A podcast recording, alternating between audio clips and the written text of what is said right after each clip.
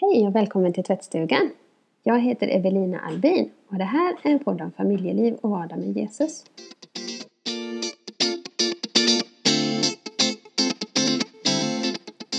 I tidigare avsnitt har jag berättat om en tallriksmodell för familjer eh, som en hjälp att skala ner vilka delar vi behöver i familjelivet för att barn och föräldrar ska må bra och vad som kännetecknar, vad som kännetecknar ett gott klimat där barnen kan få odla en personlig tro.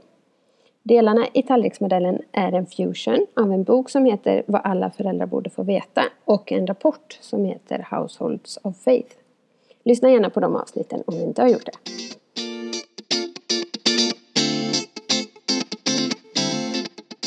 Förra avsnittet tog jag upp lite bakgrundsfakta kring vardagstro och barns andliga utveckling. Eh, jag tog upp barnkonventionens, skolans värdegrund och uppdrag i läroplanen och så några bibelställen.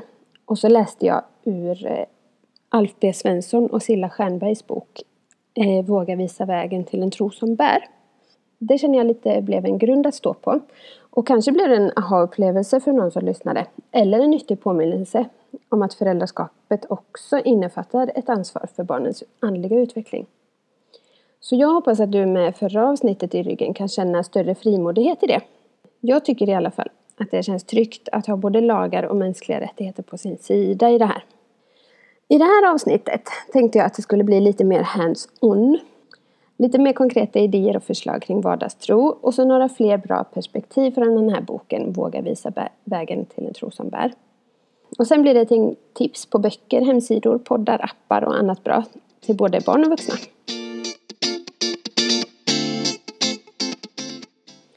Men först så skulle jag vilja dela med mig av några personliga tankar och funderingar. För när man funderar på hur man vill bygga sin vardag med familjen så är det lätt att gå tillbaka till sin egen uppväxt och tänka på både sånt som varit bra, ja, men sånt som man vill ha med sig och sånt som inte varit lika bra, som man helst vill, inte vill föra, föra vidare. Och lever man tillsammans med den andra föräldern så har man ju, eh, eller så har ju han eller hon sin ryggsäck med sig också. Och utifrån de här ryggsäckarna så kan det ju bli väldigt spännande samtal och givande samtal.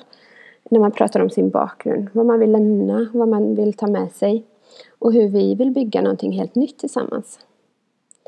Och sen kan det också finnas oläkta sår som behöver bearbetas först för att man ska kunna ha en sund vardagstro i familjen. Jag har funderat lite på vad det är som har gjort att jag har fått en tro som har burit mig tills jag har blivit vuxen liksom. Och jag ska försöka mig på att göra en liten resumé. När jag var tre år fick jag uppleva Guds närvaro väldigt tydligt. Och jag har aldrig kunnat skämta bort den upplevelsen. Det var på riktigt. Även om jag kanske har tvivlat eller inte känt att jag tror så starkt efteråt så har jag ändå kunnat luta mig tillbaka på den upplevelsen. Eh, och jag har alltid tänkt att jag är kristen. Under uppväxten så hade jag många vuxna förebilder runt omkring mig som tog min tro på allvar, även fast jag var liten. Jag minns särskilt mina söndagsskolelärare, Gudrun och Inger, som berättade om bibelberättelser och Guds kärlek, men som värme. Och så minns jag Sara, som var min barnledare när jag var lite äldre, och som målande berättade om vilket äventyr livet med Gud är. Och gemensamt för alla de här tre och alla andra ledare som jag har haft genom åren är att de frågade oss barn vad vi hade för bönämnen och tackämnen. Och så bad de oss för allt det som vi nämnde. Och inget var för stort och inget var för litet. Det var jättefint. Och jag är så tacksam för det. När jag var sex år så ville jag döpa mig. För jag hade bestämt mig för att jag ville leva hela mitt liv med Jesus. Mamma och pappa tyckte att jag skulle bli lite äldre först. Och det förstår jag. Men jag tjatade och tjatade under lång tid. Och till slut vet jag att mina föräldrar rådfrågade barnpastor i vår kyrka hur de skulle göra. Och jag har fått berättat för mig att hon svarade med att fråga hur länge de trodde att jag skulle orka tjata innan jag gav upp om tron och sådär. Så när jag hade fyllt åtta fick jag äntligen döpa mig. Det var i september och mina nytagna hål i öronen hade precis läkt. Under tonåren med konfa och matigare undervisning i kyrkans ungdomsverksamhet så fick jag en tydligare längtan efter att Gud skulle få genomsyra alla delar i mitt liv. Inte bara när jag var i kyrkan eller på läger, eller ja, så som jag kände att det var då. Utan jag ville göra hela mitt liv till en lovsång till Gud.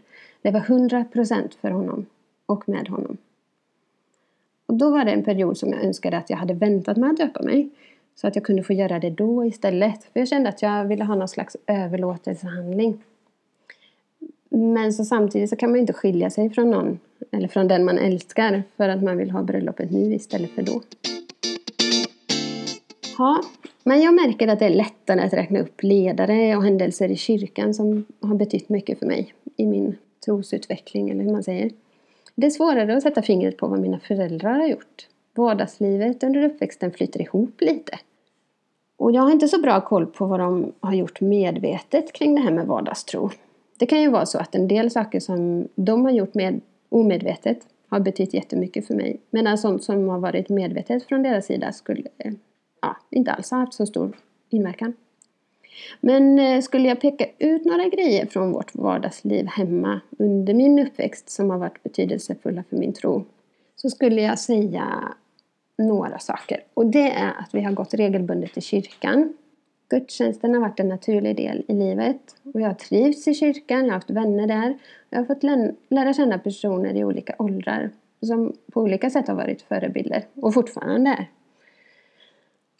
En annan sak eh, som jag skulle säga är mina föräldrars engagemang som ledare. Eller ja, inte så brinnande engagemang, men självklara engagemang. Att det är naturligt att bidra. Det har liksom blivit naturligt för mig att ha en roll i ett sammanhang och vara behövd. Att någon räknar med mig har i perioder varit det som har burit och hållit mig kvar i kyrkan när tron sviktat. En annan grej som har betytt mycket för min tro, tror jag, i alla fall. Eller det borde det. Jo, men det har det. Mm, det är att vi har haft ett öppet, samtal, ett öppet samtalsklimat hemma. Jag har känt att jag har kunnat prata med mina föräldrar om allt. Och högre upp i åldrarna så har hela familjen diskuterat tro, kyrka och församlingsliv vid matbordet ibland. Inte alltid eller så här, nu ska vi prata om detta. Utan mm, det har blivit naturliga samtalsämnen. Och det har varit eh, liksom på tal och uppe eh, ofta när mamma och pappa har haft vänner på besök också. Och jag tyckte det har varit väldigt fint att sitta och bara lyssna när de har diskuterat de vuxna. Eh, och även om jag inte har varit delaktig i själva samtalet så har, det varit väldigt, har jag varit väldigt delaktig rent tankemässigt. Och det har satt igång mycket tankar och re reflektioner som jag kanske inte hade börjat tänka på på egen hand. Och sen eh, så skulle jag säga att hemgruppen eh, har eh, gjort stort intryck på mig. Mamma och pappa var med i en hemgrupp, eller vi, vi som familj var med i en hemgrupp. Eh, ibland kallas det för cellgrupp och det är en liten grupp människor som träffas regelbundet och läser Bibeln, ber tillsammans, delar livet och oftast äter man eller fikar tillsammans. Och vi var kanske fyra, fem familjer som träffades en kväll varje eller varannan vecka, Nu kommer jag inte ihåg riktigt. Men vi hade ett rullande schema och turades om att vara hemma hos varandra. Och vi brukade börja med att äta kvällsmat och sen så eh, efter maten så röjde vi barn runt och lekte och hade jättekul medan de vuxna fikade och pratade och bad. Det var så jag uppfattade det i alla fall. Eh, men, och varje gång innan, eh, innan var och en skulle åka hem till sig så brukade vi samlas allihopa, liksom både barnen och vuxna, och be Gud som havet tillsammans. Och det var något alldeles särskilt att få kliva in där där de vuxna hade suttit ett tag och krypa upp in till mamma eller pappa om det fanns plats. Eh, jag har tre syskon så det var inte alltid ledigt. Men, eh, men den atmosfären, den där tjocka, varma och gosiga, kaffedoftande och heliga atmosfären som blir när åtta eller tio vuxna delar livet och har bäst för varandra i någon timme i ett vardagsrum med alldeles för dålig ventilation. Så det är så att det nästan går att ta på. Den atmosfären har gjort väldigt stort intryck på mig.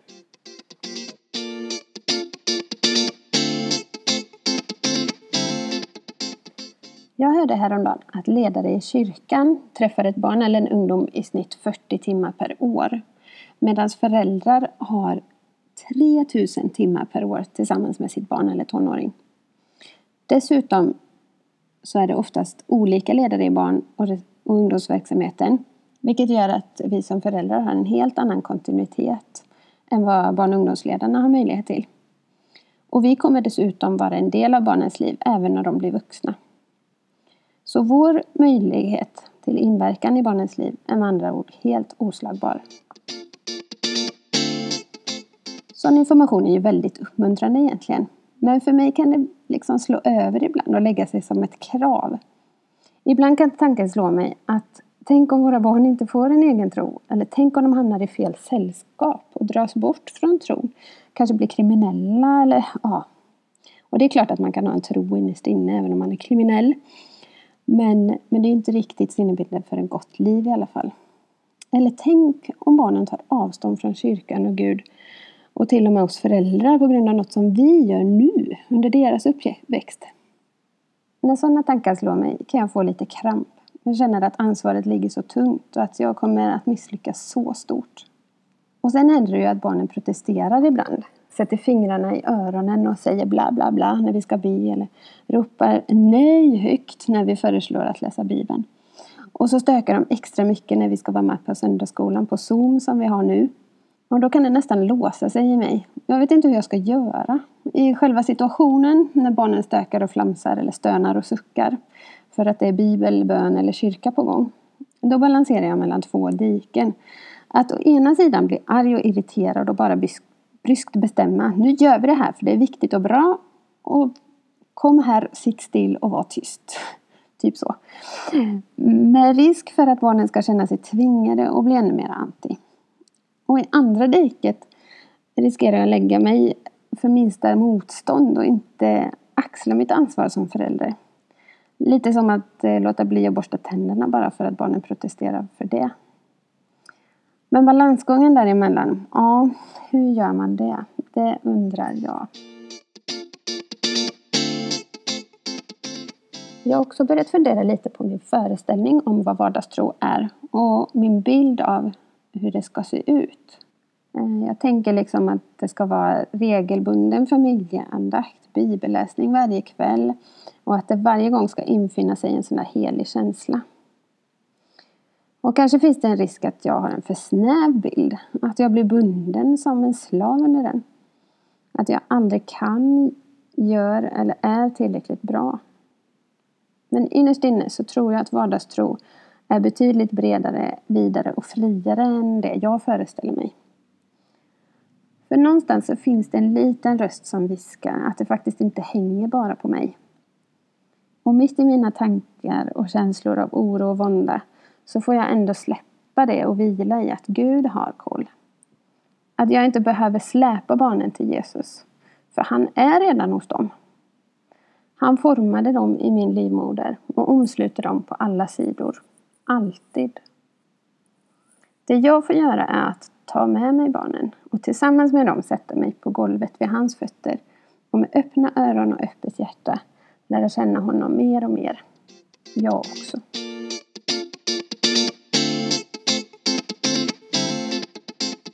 Boken Våga visa vägen till en tro som bär skriver Alf B Svensson och Silla Stjernberg så här.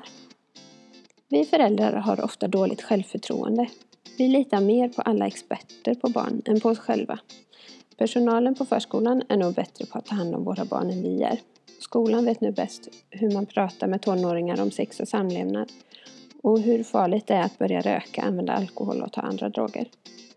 Många av oss har också en övertro på experter när det gäller att samtala med barn om Gud. Du kanske är en av de föräldrar som inte inser hur viktig du är och hur mycket du, din vägledning betyder. Därför lämnar du över mycket av ansvar till pastorn, prästen, ungdomsledaren eller församlingspedagogen. De behövs och har en viktig uppgift, men de kan inte ersätta dig, bara komplettera. Många av oss kör våra barn till kyrkan för att, de ska, för att de där ska få en meningsfull fritid, goda normer och värderingar och också en tro. Betydligt fler barn skulle finna vägen till en tro som bär om vi föräldrar i kyrkan fick mer stöd och uppmuntran i hur vi vägleder barnen till en tro. Att vissa barn får en tro som bär är inte en slump eller tillfällighet. De flesta som har en levande tro har vuxit upp i familjer där föräldrarna haft en tro som inte bara varit en söndagsreligion. Den har präglat hela deras liv. Många säger att också Många säger också att deras föräldrar haft en avgörande betydelse för att de nu har en tro. Många som växte upp i frikyrkan för ett par, tre generationer sedan revolterade, lämnade församlingen och ibland också Gud och blev så kallade Guds barnbarn. Ofta var orsaken en trångsynt och svartvit kristen fostran. Allt som var roligt var synd. Några blev påtvingade en religiös tvångströja. De var tvungna att tänka, tycka, känna och tro och uppföra sig på ett visst sätt. För många tog det sedan hela livet och mycket smärta att bli fria från den tvångströjan. Om det inte finns en öppen dialog, kärlek och respekt mellan oss och våra barn är risken stor att de tar avstånd från både oss föräldrar, den tro vi har och den kyrka vi är engagerade i. Vi föräldrar vill vara bra föräldrar och handla rätt gentemot våra barn. Men det är inte alltid lätt att veta vad som är rätt. Vi vill väl, men trots det kan det bli fel ibland. Ofta får vi facit först när det är för sent. Även om vi inte kan vrida tillbaka klockan kan vi erkänna att vi har gjort fel, trots att vi trodde att vi gjorde rätt. Det finns diken på båda sidor om vägen. Idag har vi fått nya generationer av Guds barnbarn. Nu är inte den vanligaste orsaken en alltför sträng och trångsynt kristen fostran, utan en vag, diffus och ibland nästan obefintlig vägledning i familjen. Vi har kanske inte tid, vi har inte själva en levande tro, eller så prioriterar vi andra saker i livet. Mats, 51 år, säger vi läser knappt Bibeln på julafton längre. Om du skulle fråga mina barn varför vi firar jul så skulle de säkert svara att det är för alla julklappar vi ska få. Kristina, mamma till tre barn, säger Vi är väldigt dåliga på att få till gemensam bön och bibelläsning i familjen. Alla har så olika tider och det är så mycket läxor och aktiviteter. Vi har oftast inte ens tid att äta tillsammans. Och Ingrid, 47, säger hur ska jag hinna tänka på Gud i detta stressade samhälle? Jag hinner inte ens tänka på mig själv. Vi kan inte vägleda våra barn till en tro genom att mekaniskt följa vissa råd och principer. Vi måste ha en nära relation och en öppen dialog. Det fungerar inte med monologer. Vi måste också inse att barn är olika och därför inte behandla alla barn på samma sätt. Ibland kanske man måste släppa frågan om tron och församlingslivet ett tag och bara göra saker tillsammans. Till exempel gå och bovla, gå ut och äta tillsammans, göra en rolig resa eller ha en mysig kväll med spel hemma i soffan. Kravlös tid som bygger på relation, inte prestation. Det går inte att kommunicera om viktiga frågor om man inte har en god relation. Ditt liv säger mer än dina ord. Våra barn påverkas av allt vi säger och allt vi gör. De påverkas av våra ord, men allra mest av vårt liv. Vi behöver därför fundera över hur vår tro märks i vardagen. Hur påverkar tron våra värderingar, våra relationer till andra, vår livsstil och vårt sätt att handskas med pengar? Lever vi i kärleksfulla relationer till vår partner, våra barn, våra vänner och arbetskamrater? Dras vi med i konsumtionshysterin eller har vi en mer enkel kristen livsstil? Gör vår mediekonsumtion oss till mer visa och mogna människor? Eller är det mest ytligt trams och flams som vi kopplar av till? Hur mycket av vår tid och våra pengar ger vi till Gud? Det är närgångna frågor som vi alla behöver ställa oss. Alf berättar. Jag har vuxit upp i en familj där min pappa hade en kristen tro, men inte min mamma. Pappa var tystlåten och pratade sällan om sin tro. Vi bad aldrig tillsammans. Han läste aldrig högt ur Bibeln för oss barn, utom på julafton då han läste julevangeliet och bad högt. Jag minns inte alls vad han sa, men jag minns fortfarande med vilken innerlig känsla han bad. Varje morgon innan han gick till sitt arbete böjde han knä vid sängen och bad. Bibeln var sönderläst. Pappa brydde sig mycket om människor som hade det svårt. Som pensionär gick han, trots att han egentligen var mycket blyg, till servicehus och sjukhus och besökte gamla och sjuka som aldrig fick något besök. Efter min pappas död fann jag fotografier som visade några enkla hus i Indien där det stod Levi Lepra Center. Pappa hade skänkt pengar för att hjälpa spetälska. Men det var aldrig någons, något han hade berättat för oss barn. Hur mycket min pappa påverkat mig genom sitt liv har jag insett först som vuxen. När vårt liv slår ihjäl våra ord. Ibland kan det vara svårt att hitta en balans i livet. En del försummar familjen. Ibland tar familjen så mycket av vår tid att vi helt försummar engagemanget i kyrkan eller i idrottsföreningen, där vi kanske också behövs. Vi behöver därför ibland tillsammans med våra barn se efter om vi hittat en rätt balans i livet.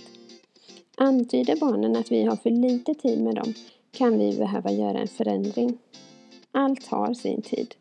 Allt vi vill göra i livet kanske vi inte behöver göra just när barnen är små.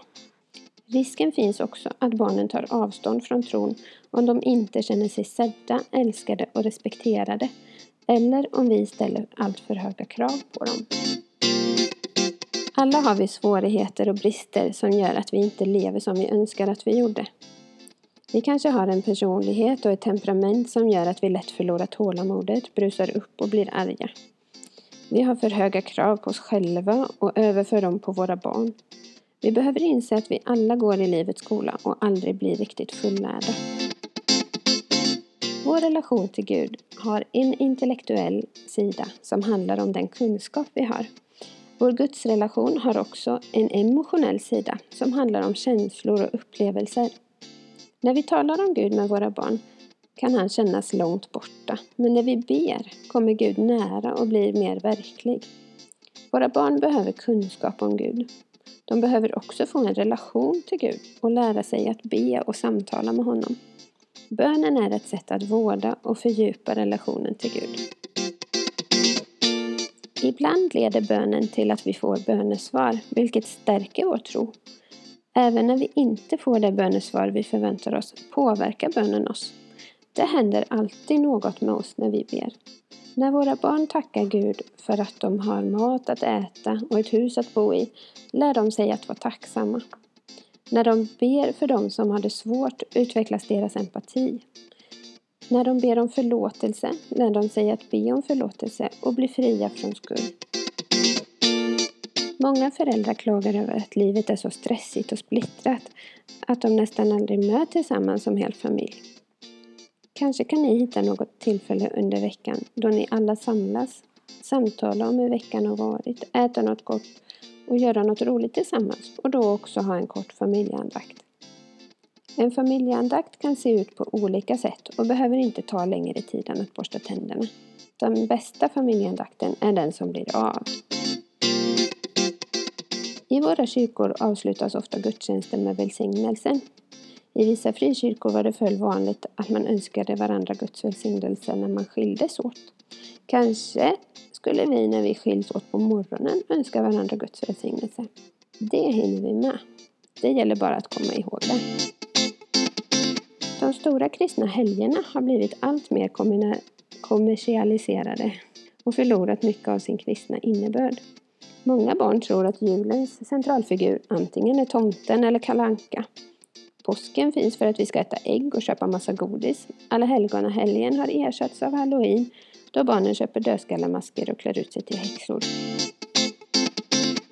Hur skulle ni vilja att det i er familj ser ut när det gäller aftonbön och familjeandakt? Och hur kan ni ge de stora kristna högtiderna en mer kristen prägel? En viktig fråga är vilken gudsbild vi ger våra barn. För några generationer sedan fick många barn en negativ bild. Gud var sträng och bestraffande. Han såg inte bara allt dumt vi gjorde. Han såg också alla fula tankar vi tänkte. Därför levde många barn med skräck och fruktan. I vårt individualistiska samhälle med en utbredd privatreligiositet har många idag sin egen privata husgud. Utifrån ett smörgåsbord av olika religioner och, och nyandlighet plockar man ihop sin egen gudsbild. I kyrkan talar vi om hur viktigt det är att vi ger våra barn en positiv gudsbild. Vi talar om Guds villkorslösa kärlek och hur viktiga och värdefulla vi alla är i Guds ögon. Och givetvis ska vi ge våra barn en positiv gudsbild. Men det är också viktigt att vi ger dem en sann gudsbild. Kanske finns en risk att vi ibland framställer Gud som så trevliga att vi glömmer bort att han också är helig. Vi läser bibelställen som visar hur snäll och kärleksfull Jesus är men hoppar över bibelord som visar hur hårt han kritiserar och fördömer vissa handlingar och företeelser. När du samtalar med dina barn om Gud, ge dem inte en förenklad och felaktig bild av Gud. den kristna tron och det kristna livet. Gud är inte en gammal gubbe med skägg som sitter på ett moln, även om barn med sitt konkreta tänkande kanske föreställer sig Gud så. Även om vi måste använda oss av bilder för att beskriva Gud, bör vi förklara att Gud är mycket större och annorlunda än vad vi med vår begränsade hjärna kan föreställa oss. Samtala om att det inte alltid är lätt att tro. Bibeln är ibland svår att förstå. Och kristna människor är inte alltid goda och kärleksfulla. Vi tvivlar ibland på att Gud finns och att han verkligen bryr sig om oss. Gud är ingen jultomte eller springpojke som genast kommer med det vi ber honom om. Han svarar inte alltid på bön på det sätt vi förväntar oss. När vi inte förenklar utan ger en mer sann bild av den kristna tron och det kristna livet hjälper vi våra barn att hantera de tvivel och de kriser de kommer att möta. När ni pratar om det som händer i familjen, skolan, samhället och världen, försök att ibland belysa händelser utifrån ett kristet perspektiv. Ställ frågan Vad tror ni att Jesus skulle ha gjort? Vad skulle Jesus ha gjort åt klimathotet? Vilken bil skulle Jesus köra? Vad skulle han ha gjort om han såg någon bli mobbad? Och vad skulle Jesus ha gjort om han vann en miljon?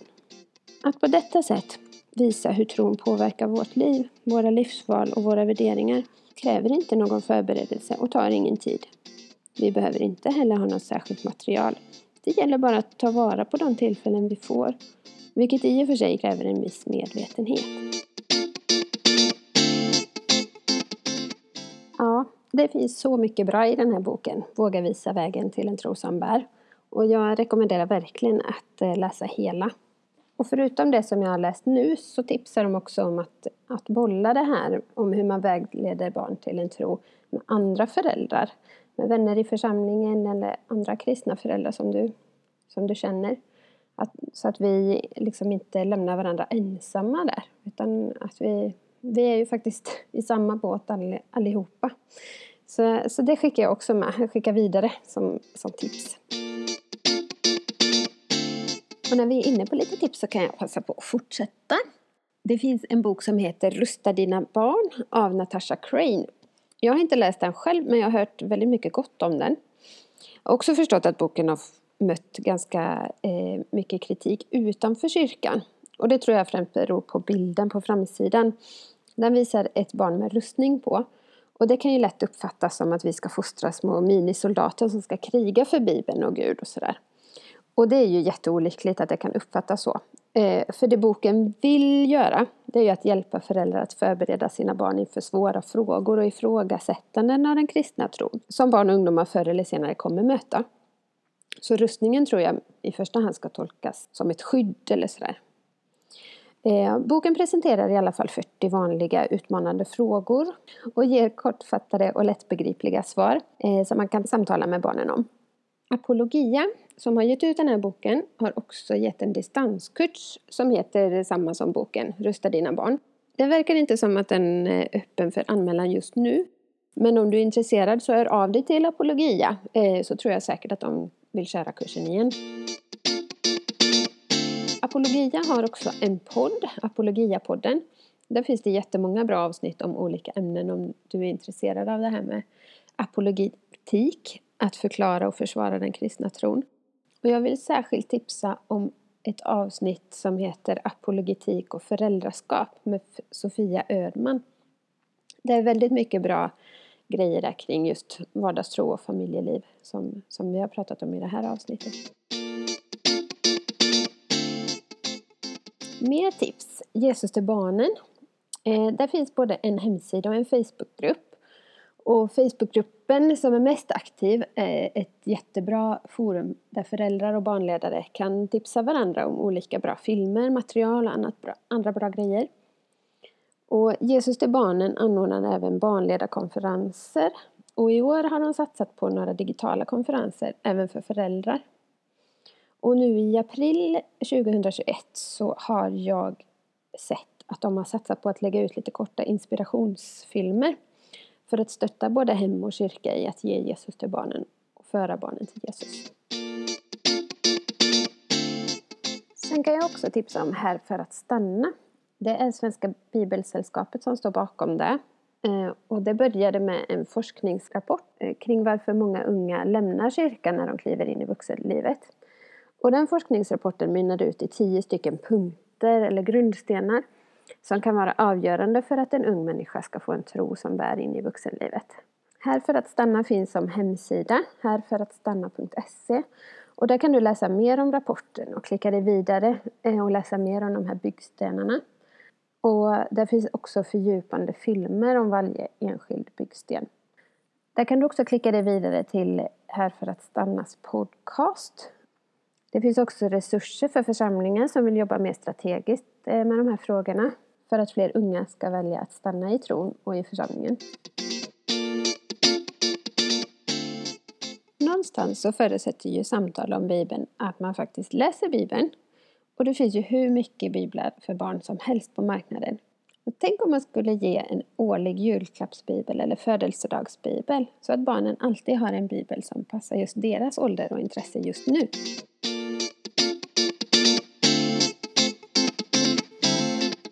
Det finns ju massa mer att säga om vardagstro och det finns mycket mera tips på grejer.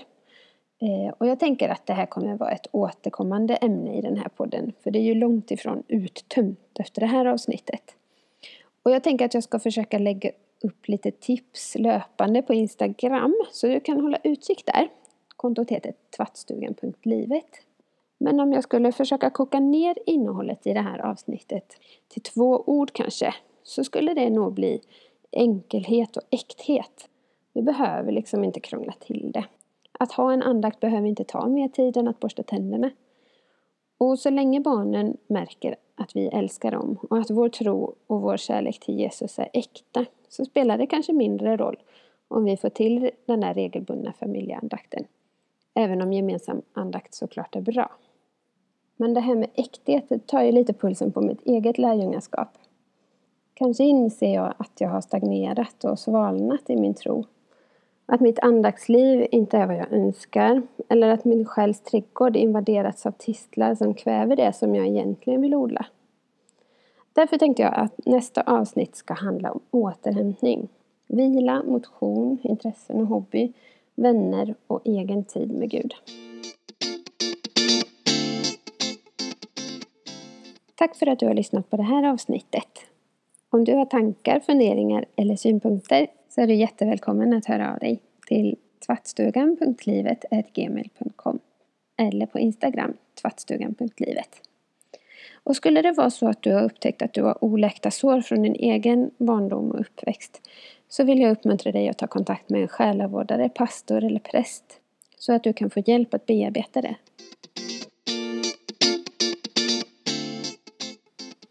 Och så till sist ett bibelord från Saltaren 139 och 23 till 24. Rannsaka mig, Gud, och känn mina tankar.